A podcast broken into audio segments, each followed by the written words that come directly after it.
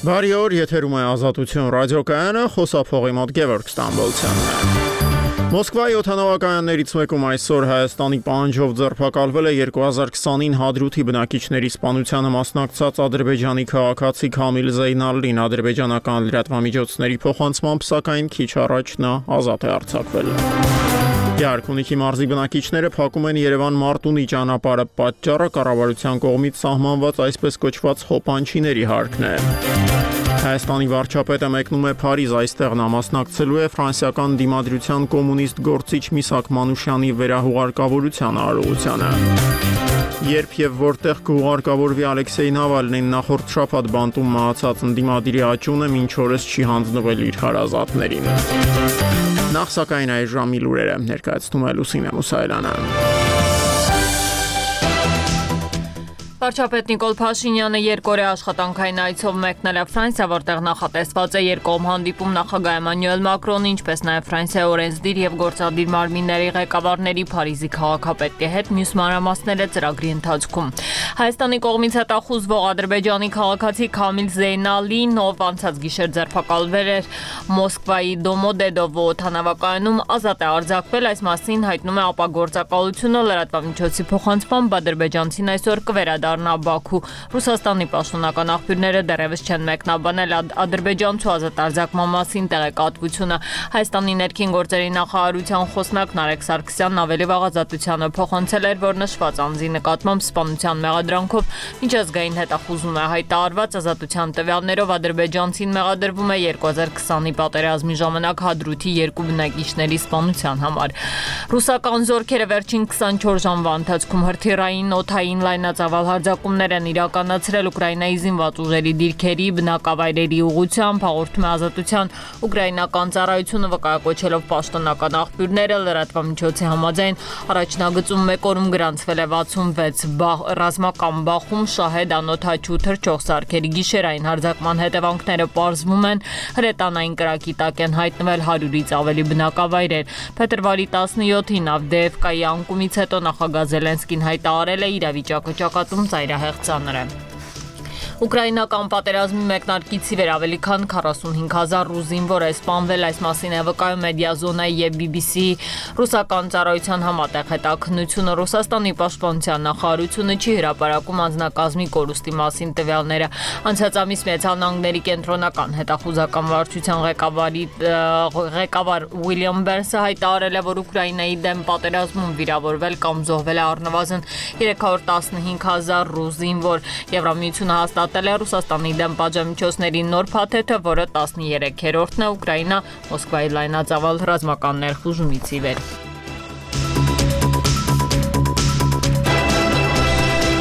Շնորհակալություն Լուսինե, շարունակում ենք թողարկումն այսօր առավոտյան հայտնի դարձավ, որ Մոսկովյան օթանավակայաններից մեկում ձերբակալվել է Ադրբեջանի քաղաքացի Քամիլ Զեյնալին։ Այս լուրը կարող էր աննկատ անցնել հայ հանրության համար, եթե ադրբեջանցի ֆիթնես մարշչին ռուսական ոստիկանությունը ձերբակալած չլիներ Հայաստանի պահանջով։ Դեռ մի քանի տարի առաջ Հայաստանի իրավապահները Զեյնալիի հանդեպ միջազգային հետախուզում էին հայտարարել նրան որպես 2020-ի հոկտեմբերին Հադրութում ռազմական հանցագործություն կատարած զինվորականներից մեկին նույնականացնելով։ Ադրբեջանցու ձերբակալությունից ժամեր անց, սակայն նա ազատության մեջ էր թեմայի շուրջ վերջին զարգացումներն իմի է բերում Նաիրա Աբուլադարյանը։ Մոսկվայում մի քանի ժամով ձերբակալված ադրբեջանցին, որ հետախուզվում է Հայաստանի կողմից պատերազմական հանցանքի համար, ազատ է արձակվել հաղորդում է նրա փաստաբանը, թե ինչու ռուսական կողմն ազատ արձակեց 44 օրյա պատերազմի ժամանակ Հադրութում երկու խաղաղ ու անզեն բնակչի սպանության համար մեղադրվող Քամիլ Զեյնալիին པարզ չէ։ Հայտնի ֆիթնես բլոգեր Զեյնալիին ռուս ոստիկանները գիշերն են ձերբակալել Դոմոդեդովո օթանավակայանում Բաքու վերադառնալիս։ Ձերբակալության ժամանակ նա ուղիղ եթերով պատմել էր, որ իրեն են մտեցել ոստիկան կենտրոնները հայտնել, որ Հայաստանն իր նկատմամբ միջազգային հետախուզում է հայտարարել դեռ անցած տարվա մայիսից եւ որ նա պետք է Ռուսաստանում կանգնի դատարանի առջեվ։ Դամատերը վարակորդն է մեր սախվագլար saxladılar. Ես արդեն երրորդ անգամ եմ Ռուսաստանում, բայց միայն հիմա են ինձ ձերբակալում։ Հույս ունեմ, որ մեր պետական կառույցները կաջակցեն ինձ։ Հայաստանի ներքին գործերի նախարարության խոսնակ Նարեկ Սարգսյանն ազատությանը փոխանցեց Զեյնալիի նկատմամբ սպանության մեղադրանքով միջազգային հետախուզում է հայտարարված, այլ մանրամասներ հայաստանյան իրավապահները դեռ չեն փոխանցում։ Նշված անձի նկատմամբ սպանության մեղադրանքով կա հայտարարված միջպետական հետախուզում։ Ադրբեջանցու փաստաբանն ադրբեջանական լրատվամիջոցներին փոխանցել էր, որ Զեյնալիի նկատմամբ մեղադրանք կա Հայաստանի քրեական օրենսգրքի մի քանի հոդվածներով։ Ռուսաստանում Ադրբեջանի դեսպանատունն էլ այսօր հայտարարել էր, որ զբաղվում է Զեյնալիի հարցով։ Նրան ձերբակալել են Հայաստանի դիմումի համաձայն, բայց սա դեռ չի նշանակում, որ նրան կնստեցնեն ինքնաթիռ ու կուղարկեն Հայաստան։ Այդպես չի լինում։ Հիմա մենք սպասում ենք դատարանի որոշմանը, որն էլ կպարզի, որքանով է հիմնավոր Հայաստանի դիմումը։ Ադրբեջանական լրատվամիջոցներին ասել է դեսպան Փոլադ Բյուրբյուլօղլին։ Սպանությունը, որի համար ենթադրաբար հետախուզվում է Զեյնալին, տեղի էր ունեցել 2020 թվականի պատերազմի ընթացքում Հադրութում. Բաց աղբյուրների հիման վրա հետաքնություններ անող Բելինքեթի լրագրողները ուսումնասիրելով գերեվարման եւ սպանության տեսանյութերը, ողրզել էին, որ տարեց ու երիտասարդ անզեն անպաշտպան տղամարդկանց սպանել էին ձեռքերը մեջքի հետևում կապած վիճակում, կրակելով նրանց վրա։ Այն ժամանակ Հայաստանի գլխավոր դատախազությունը քրեական գործ էր հարուցել սպանության հոդվածով, որը կատարվել է զինված ընդհարումների ժամանակ միջազգային մարդասիրական իրավունքի նորմերի լուրջ խախտումներով։ Բելինքեթը իր հետաքննությամբ նաև հերքել էր Ադրբեջանի պնդումները, թե տեսանյութերը բեմադրված են եւ չեն համապատասխանում իրականությանը։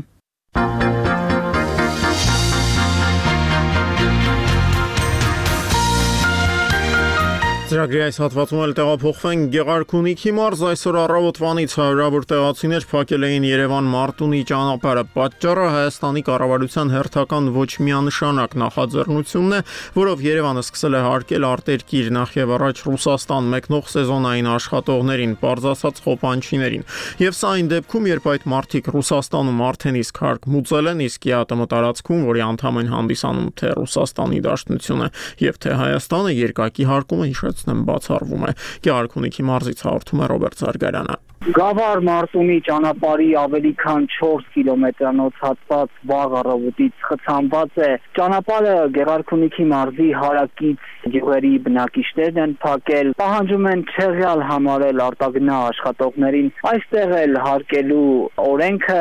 պնդում են կկանգնեն այստեղ այնքան, քանի դեռ կառավարությունը հետ քայլ չի արել։ Միջավ կես արդեն ջլուծվի։ Միջավ է արդեն ջլուծվի փագա մնա։ Ես մի քանի օր առաջ եմ տեղեկացել ես երևի 4 օր է։ Այս տղերքին եկել է նոր հավասիկ մեր մարզպետը կանգնած, մարտը գրպանից հանեց, որ մուծումն արե եկել է։ Են մեկն էլ ցանոցագիր է եկել, բերեց ցույց տվեց։ Եթե ժողովուրդ տեղյակ չեն, չի կարելի։ Ասում են ես իշ թվից որոշումը ընդունվե։ Պետք է քաղաքացին, քաղաքացին ես երկրի քաղաքացին տեղյակ լինի։ Փակ դռների հետև եթե որոշում են կայացրել ումն է պետք։ Քաղաքացին կրախի դեմ է կանգնում։ Եթե նա իմանար, որ այդ ծևի օրենք կա, ոչ էլ կետար։ Ամեն տարի հիմնական Հիմնականում Ռուսաստան սեզոնային աշխատանքի մեկնասները վերջին օրերին ծանուցումներ են ստանում, որ հարկային պարտավորություններ ունեն նաև Հայաստանում։ Պատկան մարմինները պարզաբանում են այն քաղաքացիները, որոնց համար իրենց գործատուները Ռուսաստանում եկամտահարկ են վճարել 13%-ի չափով,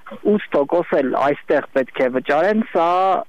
այստեղի եւ Ռուսաստանի դրույքաչափերի տարբերությունն է։ Այս կարգավորումը վերաբերում է այն մարդկանց, ովքեր Ռուսաստան Ռուսաստանում աշխատել են միջև 6 ամիս, իսկ կես տարուց ավելի այնտեղ աշխատողներին սա չի վերաբերում։ Իմ եկամուտը, իմ հանապազորի հացը սեզոնին երևի մի 400-500 հազար փող բերեմ։ Իմ կոմունալ վճարները, իմ տան ջերուցումը, մեր համայնքները լրիվ իրար հարազատ են, գյուղերը մի տարական եթե չլնի, չլնի, մի 5-ատ 6-ատ հարսանիք ես կնում, կնում կա ծնունդը։ Աստված հերոպայի թաղումները էս այնը, ելի մեզի չի բավարարում։ Բազմամարդ այս ցույցին զուգահեռ Երևանում քիչ առաջ լրագրողների հետ պետական եկամուտների կոմիտեի նախագահ Ռուստամ Բադասյանը խոսեց, նա էլ ասաց, թե արտագնա աշխատողներից պահանջվող գումարը պետության համար մեծ չէ։ Հանգիստ կքննարկենք, կնայենք հարցի ծավալը։ Մի բան կարող եմ վստահեցնել, որ ֆիսկալ առումով մեզ այդպես մեծ հետաքրքրություն, այսինքն չի ներկայացնում այդտեղ այնպիսի գումարների մասին խոսք չի գնում, որից որ պետությունը հսկայական եկամուտներ է կուտակելու։ Իհարկե մշակույթի հարցը կա, հարկման, բայց ելի եմ ասում, քանի որ նոր է այս հարցը, նոր ենք ստացել տեղեկությունը, նոր երևույթի մասն է խոսքը, առաջի անգամ ազդակ եկել, որ հարկային օրենսգրքի որոշակի կարգավորումներ միգուցե վերանայման կարիք ունեն։ Տեկ նախագահը նաև վստահեցրեց, քանի դեռ քննարկումներ են ընթանում, տուժ տուգանքներ քաղաքացիների հանդեպ չի կիրառվելու։ Մանրամասն մեր քաղաքացիներին կպատասխանենք իրենց որևէ մեկի հետ կապված արգելադրման, հետագա վարչարության գործողություններ չեն կատարվի, քանի դեռ մենք քննարկում ենք մեր օրենսդրական կարգավորումների հետ կապված հարցերը։ Որևէ տույժ, որևէ մայր գումար, որևէ գործողություն չենք իրականացնի, միջև մենք քննարկումները ավարտենք եւ գանք եզրահանգման եւ կոմունիկացնենք դա հանրության հետ։ Ցույցի մասնակիցներին պետք նախագահի պարզաբանումները չեն բավարարում, պահանջում են օրենքը չեղյալ համարել եւ ընդհանրապես իրենցից ոչ մի լումա չպահանջել։ Մեզ կոալիցիոն պայմանը որ չերել համարել ամբողջությամբ ազգային ժողովով չերել համարել Ուղիղ 1 տարի առաջ հայ-ադրբեջանական սահմանին աշխատանքը սկսեց Եվրամիության դիտորդական առաքելությունը։ Եվրամիության դիտորդները այս 1 տարվա ընթացքում 1700-ից ավելի բարեկային շրջայց են իրականացրել։ Այսօր Երևանում այս 1 տարվա աշխատանքը եւս ամփոփում էին, դրան մասնակցում էր նաեւ անվտանգության խորհրդի քարտուղար Արմեն Գրիգորյանը, որը մի շարք հայտարարություններ է հնչեցրել կապված Եվրամիության դիտորդների աշխատանքի հետ։ Նոր հանդիպում այո պլանավորվում է։ Հիմա քննարկվում է, դեռևս հստակություն օրի եւ ժամի մասով կամ տեղի մասով չկա։ Խաղաղության պայմանագրի մասով մենք ստացել ենք Ադրբեջանի տարբերակը, այսինքն մեր հունվարի 4-ի պատասխանից հետո Ադրբեջանը ուղարկել է իր տարբերակը եւ մենք շարունակում ենք աշխատել եւ կարծում եմ, որ արտգործնախարարները երբ որ հանդիպեն մոտակա շրջանում, բնականաբար քննարկել քննարկելու են խաղաղության պայմանագիրը։ Այդ հանդիպումը դեմ արդեն հանդիպում է լինելու, թե օրինակ այսպես ավանդաբար Վաշինգտոնյան ֆորմատով մի քանի օր տեղով հանդիպում է լինելու, ես նկատում եմ արտգործ նախարարների հանդիպում։ Դրա մասին ես դեռևս հստակություն չկա, դրա համար չեմ կարող որևէ բան ասել, բայց քննարկվում են տարբերակներ, որտեղ եւ ինչպես կարող է հանդիպումը լինել։ Կարծում եմ շուտով դրա մասին նաեւ հրապարակային կլինի։ Պարոն Գրիգորյան, եւ խոսվում էր զորքերի հետ քաշման, հայելային հետ քաշման մասին, Ադրբեջանը դա կտրականապես մերժեց։ Փաշինյան Ալիև վերջին շփումների արդյունքում հարցը նորից բերվեց օրակարգ, այսպես ասած քննարկվել է եւ այդ հարցով հնարավոր է առաջընթաց թե Բաքվի մերժումն է դեռ այսպես վերջին պատասխանը այն օրվանից, երբ որ մենք այդ առաջարկը եւ հրաապարական եւ ոչ հրաապարական կատարել ենք, դա գրեթե միաժամանակ է եղել, միշտ եղել է մեր օրակարգում, բնականաբար մենք այդ հարցը պահում ենք մեր օրակարգում, փորձելու ենք հասնել համաձայնության այդ հարցում Ադրբեջանի հետ, որովհետեւ այդ մի հարց է, որտեղ անհրաժեշտ է, որ երկու կողմերն էլ համաձայնության գան այս հարցում։ Կշարունակենք քննարկել, տեսնենք ինչպեսի լուծումներ են գտնում, բայց մենք միանշանակ համոզված ենք, որ զորքերի հայլային հետ քաշումը նույնիսկ միջատեպերը թույլ չտալու լավագույն գործիքներից մեկն է, այսինքն որոշակի կիլոմետր հեռավորության վրա, եթե դասավորվեն զինված ուժերը եւ սահմանապահ զորքերը տեղակայվեն ամբողջ սահմանի երկայնքով, բնականաբար դա կայունության գործոն կլինի եւ սա շարունակում է մնալ մեր օրակարգում։ Ադրբեջանի հրաապարական հայտարարություններից բացի, որով մերժում է հայելային հետ քաշումը, ձեր կարծիքով ո՞րն է Ադրբեջանի նպատակը մերժել այդ Ես կդժվարանամ նպատակները ասել կամ հիմնավորել թե ինչ կարող է լինել, մտածում ենք կարող են տարբեր տարբերակներ լինել, բայց մեր օրակարգում սա հարց է, որը շարունակում ենք քննարկել ադրբեջանցի գործընկերների Ներքաղաքական քննարկումների գլխավոր թեման շարունակում է մնալ իշխող քաղաքացիական պայմանագրի վերջին շրջանի ամենավիճահարույց նախաձեռնությունը նոր սահմանադրության ընդունումը։ Դիմադիրները շարունակում են պնդել, որ Փաշինյանի կառավարությունն այս քայլին է դիմում Ադրբեջանի եւ Թուրքիայի պահանջով նախ եւ առաջ անկախության հռչակագրին հղումները երկրի հիմնական օրենքից հանելու համար։ Ընդդիմության ներկայացուցիչները նաեւ նշում են, որ եթե իշխանություններն այս process-ն ի վերջո հասցնեն մինչև հանրակրվեի, ոչի միասնական ճամբար կձևավորվի Կարլեն Ասլանյանն այս թեմայի շուրջ զրուցել է Դաշնակցական իշխան Սաղաթելյանի հետ։ Արդյոք կմասնակցեք արտահերտ ընտրություններին, եթե դրանք անցկացվեն համանդրական հանրակրվեին զուգահեռ եւ այս իշխանությունը եթե անցկացնի։ Նախ համանդրության հանրակրվեի մասին։ Մենք այսօրվանից վերջի 10 օրվա մեջ գրեթե ամեն օր տարբեր մարզերում, քաղաքներում սկսել ենք հանդիպումների շարք մեր ժողովրդի հետ, մեր քաղաքացիների, որոնց բացատրում ենք այն բոլոր վտանգները, որ գոյություն ունեն նաև համադրական հանրակրվե տեղ ունենալու դեպքում։ Այսինքն մենք չենք նստելու սպասենք եւ առաջկայում ավելի լայնածավալ մասշտաբով աշխատելու ենք մեր ժողովրդի հետ։ Ճակատեք ձևավորել։ Այո, իրենք իմ կարծիքով փորձում են ուսումնասիրել հասարակության տրամադրությունը, եթե տեսնեն կհաջողան նոր վերջնական որոշում կայացնեն։ Մենք մեր աշխատանքով պետք է հասնենք նրան, որ իրենք հասկանան դա անհնարին է։ Իսկ ինչ վերաբերում է արտերտ ընտրություններին, ակնհայտ է, որ եթե իրենք գնան արտերտ ընտրության, այդ ընտրությունը փորձելու են ծառայացնել իրենց վերարտադրման համար եւ փորձելով դա ներկայացնել նոր լեգիտիմության պաշար եւ Ադրբեջանի հետ խաղաղության պայմանագիրը ստորագրելու եւ այն մյուս կորցանարար քաղաքականությունը, որ որթեգրել են ավարտին հասցնելու ուղղությամբ։ Կգա ժամանակը մենք մեր որոշումը կայացնենք։ Այս պահին մեր գլխավոր խնդիրը համարում ենք աշխատել մեր քաղաքացիների հետ, բացատրել են բոլոր վտանգները, որ գոյություն ունեն եւ փորձենք կանխենք այս ամեն ինչը, այլ ոչ թե արձագանքենք հետևանքներին։ Ընտրություն թե հանրակրվե, շատ լավ, դուք ձեր փաստարկները կբերեք, եթե վատ փաստաթուղթ է, մարդիկ կգնան դեմ կքվեարկեն Փաշինյանին ձայն չեն տա 18-ից հետո եղել է դրա փորձը։ Եթե տեղի ունենա համանդրության հանրակրվը, մենք ամեն ինչ անելու ենք այդ հանրակրվեն վերացել Նիկոլ Փաշինյանի անվստահության հանրակրվեի եւ դա այն տեղն է եւ այն դեպքն է, որ մենք տեսնում ենք Հայաստանի ինդիմադիր քաղաքական դաշտում հնարավոր է իրականացնել շատ լայն համախմբում եւ այո, դա վերացել Նիկոլի անվստահության հանրակրվեի եւ դա մենք կանենք։ Դուք այսինքն նաև փողոցային պայքար եք ծրագրում, եթե բանը հասնի։ Չենք հրաժարվել այն ճանապարհից, որը ընտրել ենք, մենք գնահատել ենք մեր անցած ժամանակահատվածի եւ ձեռքբերումները եւ բացթողումները եւ թերությունները եւ այն օրակարգ ինչի մասին հայտարարել ենք շարունակում է մնալ խոսքը առաջիկայի մասին է ասենք օրինակ շաբաթներին ու ամիսներին վեր սկսել երբ որ process տեղի ունենա այդ մասին բնականաբար նախորոք կհայտարարվի այս բային գլխավոր խնդիրը հասարակության տարբեր շերտերի հետ աշխատելն է եւ տրամադրությունը փոխելը Սահմանադրության հնարավոր փոփոխության դեմ ձեր քննադատությանը իշխանությունը հակադարձում է, որ այ դուք Ալիևի հետ նույն օրակարգն ունեք, ներքաղաքական լարում առաջացնել Հայաստան։ Մենք Սահմանադրության փոփոխությունը դա ուղիղ Թուրքիա եւ Ադրբեջանի պահանջն է, որը փորձում է իրականացնել Հայաստանի Հանրապետության օրվա իշխանությունը։ Իսկ եթե մենք բարձրաձայնում ենք եւ խոսում ենք դրա մասին, չի նշանակում, որ երկրի ներսում էս պետքա լարվածություն, երկրի ներսում էս պետքա պարզապես փոփոխություն դիմադրության կազմակերպում եւ այն մարտարավերները, որ կան մեր երկրի արժեվ, դրանց հաղթահարում, իսկ դա այս իշխանություններով պարզապես հնարավոր չի։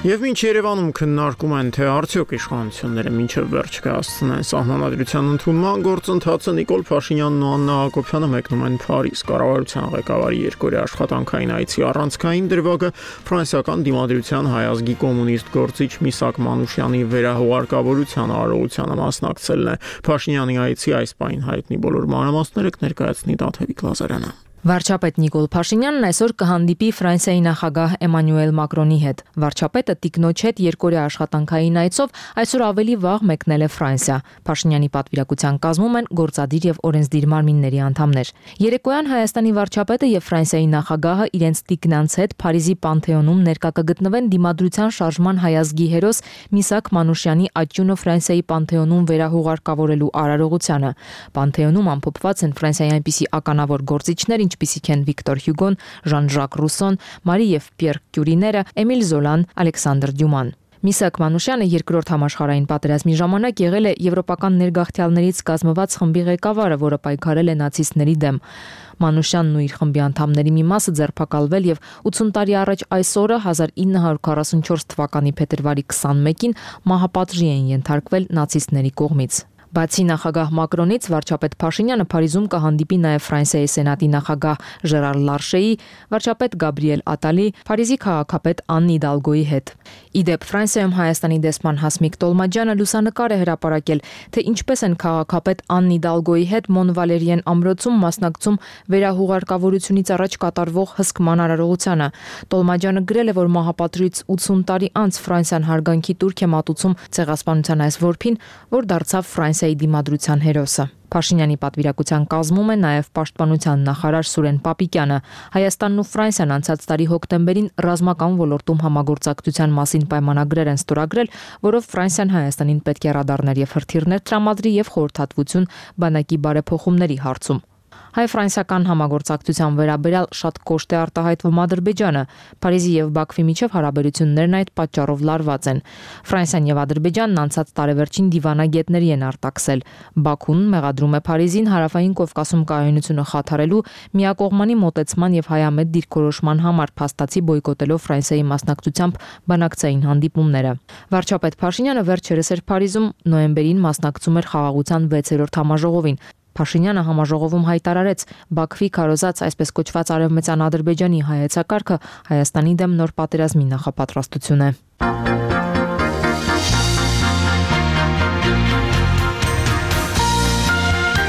Այժմ էլ միջազգային թեմաների մասին, որտեղ եւ երբ կուարկավորվի Ալեքսեյ Նավալնին մինչ օրս հայտնի չէ Ռուսաստանցին։ Դիմադիր գործչի մահվանից արդեն 5 օր է անցել, սակայն նրա հարազատներն ու փաստաբանները մինչ օրս Նավալնու աճունը չեն տեսել։ Ռուսաստանյան ընդդիմությունն նոր առաջնորդի փնտրտուքի մեջ է։ Այս պահին այդ տիտղոսին հավակնող ամենահավանական տեխնացուն Նավալնու այրին է Յուլիան։ Լսենք Ազաբաբյանին։ Մինչ ռուսական ընդդիմությունը համախմբվում է Նավալնիի կնոջ Յուլիա Նավալնայի շուրջ, Նավալնիի ընտանիքը փորձում է ստանալ գաղութում մահացած քաղաքական գործչի մարմինը։ Ընդ որում ոչ Նավալնիի կինը, ոչ էլ նրա եղբայրը չեն կարող ժամանել Ռուսաստան, նրանց պարզապես միանգամից կձերբակալեն։ Նավալնիի մարմնի համար Ռուսաստանում պայքարում են նրա մայրը եւ փաստաբանները։ Նախորդային ներքին գործերի նախարարությունը Ռուսաստանից հեռացած Ալեկ Նավալնիին կրկին հետախուզման մեջ է հայտարարել հայտարարել։ Մինչ այդ Նավալնիի մայրը Լյուդմիլա Նավալնայան Սալեխարդի քաղաքային դատարան ընդդեմ Ռուսաստանի քնչական կոմիտեի հայց է ներկայացրել։ Նա բողոքում է, որ իրեն չեն տալիս գաղութու մահացած որդու մարմինը։ Երեք քաղաքական գործչի մայրը ձայնագրել էր Ռուսաստանի նախագահ Վլադիմիր Պուտինին ուղղված դիմումը, որում նա պահանջում է, որ որդու մարմինը իրեն հանձնեն։ Հարցի լուծումը կախված է միայն ձեզանից, պնդել է ուղերձում Լյուդմիլա Նավալնեն։ Քնչական կոմիտեն հրաժարվում է հանձնել Նավալնիի մարմինը պատճառաբանելով, որ հետաքնություն է անցկացնում նրա մահվան կապակցությամբ։ Նավալնիի մամուլի քարտուղար Կիրա Յարմուշը դերևս փետրվարի 19-ին է հայտնել, որ քնչական կոմիտեն երկարաձգել է ստուգումը առնվազն 2 շաբաթով, ինչը նշանակում է, որ այն կավարտվի մարտի 3-ից ոչ շուտ։ Նավալնիի թիմակից Իրինա Ֆատիևան կարծում է, որ իշխանությունները դեռ երկար ժամանակ նրա մարմինը չեն տա հարազատներին։ И счастье, если после выборов это тело смогут вернуть։ Երջանկություն կլինի, եթե նրա մարմինը հարազատներին վերադարձնեն նախագահական ընտրություններից հետո։ Նավալնու եւ հարազատները եւ թիմակիցները եւ արևմտյան առաջնորդները պնդում են նրա մահվան համար պատասխանատու է Պուտինը, ինքը Ռուսաստանի նախագահ։ Մինչ օրս որևէ ձևով Նավալնու մահը չի մեկնաբանել։ Մինչդեռ Միացյալ Նահանգները 3 հայտարարեց Նավալնի մահվան եւ Ուկրաինայում երկամյա պատերազմի հետ կապված Ռուսաստանի դեմ պատժամիջոցների նոր մեծ հայտնեց փաթեթի մասին։ Նախագահ Բայդենը լրագրողներին ասաց, որ այն կհրապարակվի փետրվարի 23-ին։ Միացյալ Նահանգներն ուրբաթօրը կհայտարարի Ռուսաստանի դեմ խոշոր փաթեթի մասին։ Ավելի վաղ մոտալուտ պատժամիջոցների մասին նույնպես առանց լրացուցիչ մանրամասների հայտարարել էր Սպիտակ տան ազգային անվտանգության խոսնակ Ջոն Քիրբին։ Պարզ է, որ նախագահ Պուտինն ու նրա կառավարությունը պատասխանատու են պարոն Նավալնիի մահվան համար։. Քիրբին հավելել է, թե Մոսկվայի Միացյալ Նահանգների դեսպանատունը փորձում է ավելի շատ տեղեկություն ստանալ Նավալնիի մահվան մասին։ Ռուսաստանի իշխանությունները Նավալնիի մահվան մասին հայտարարել են փետրվարի 16-ին քրեակատարողական դաշնային ծառայության տվյալներով ընդդիմադիրը, ով իր պատիժներ կրում բևեռային գալ հատուկ ռեժիմի գաղութում մահացել է կեսօրին զբոսանքից հետո։ Մահվան Թեհրանից մի քանի օր անց նրան 27-րդ անգամ ուղարկեցին սովորական խցերից ել ավելի խիստ պայմաններով պատժախոց։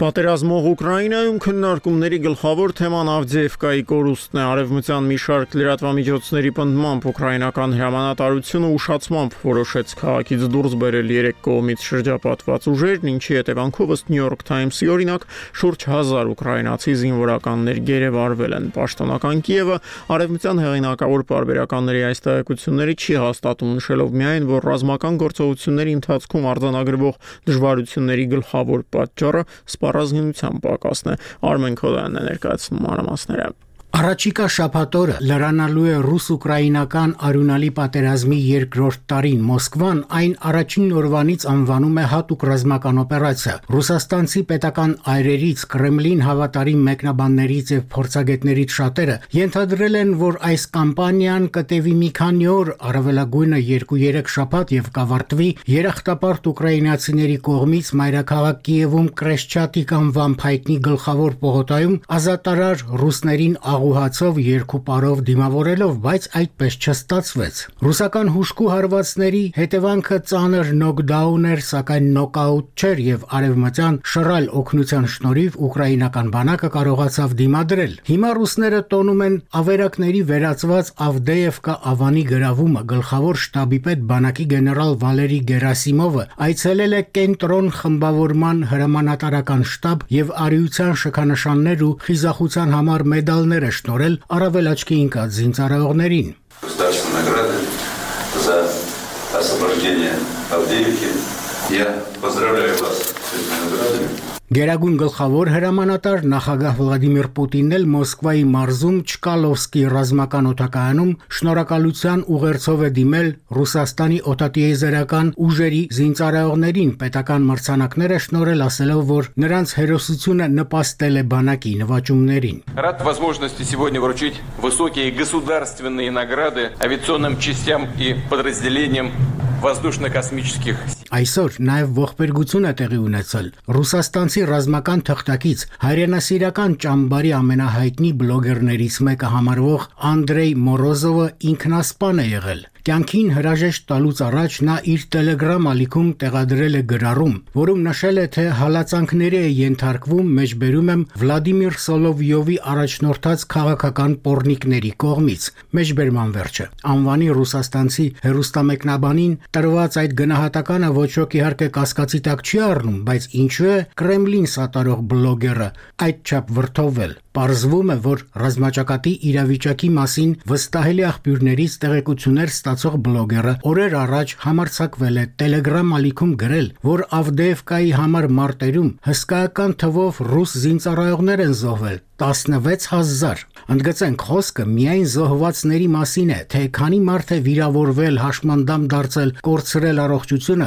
այս պահին հայտնի չէ։ Telegram ալիքում Մորոզովը նաև գրել է, թե թիվ 1487 գնդի մի զինծառայող բողոք է հայտնում Ավդեևկայի վրա գրոհի ընթացքում իր հրամանատարների սխալ գործողությունների կապակցությամբ։ Կրեմլի քարոզիչներ Յուլիա Վիտյազևան եւ Արմեն Գասպարյանը Սոլովյով լայվ ծրագրի եթերում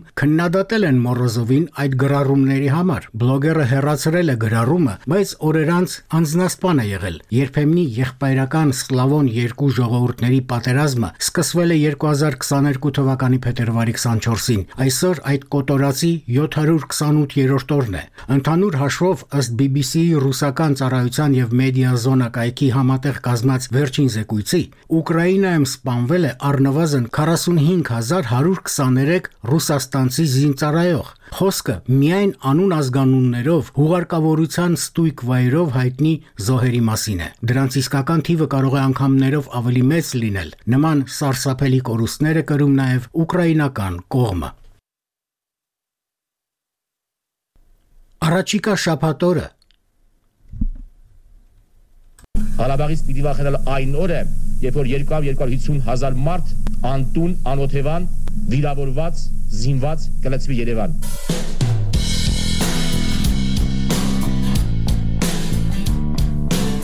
Ղարաբաղի հարցը մեր ժողովուրդը արդեն լուծել է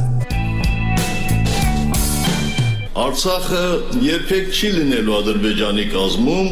եւ այս խնդիրը ճունի ռազմական լուծում։ եկեք դադարեցնենք այս բանը, հա, ինչ եք բանակցում։ Ինչ որ պետք է անենք, բանակցում ենք։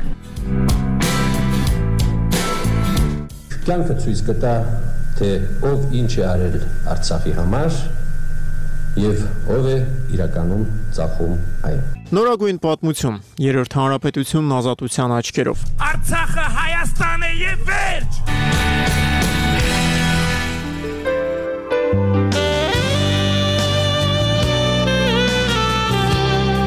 Այս ժամին այսքանը խոսափողի մոտ Գևորգ Ստամբոլցյանն էր եթերում էր Ազատություն ռադիոկայանը մեր երեկոյան թողարկումը եթերում կլինի ժամը 19-ին։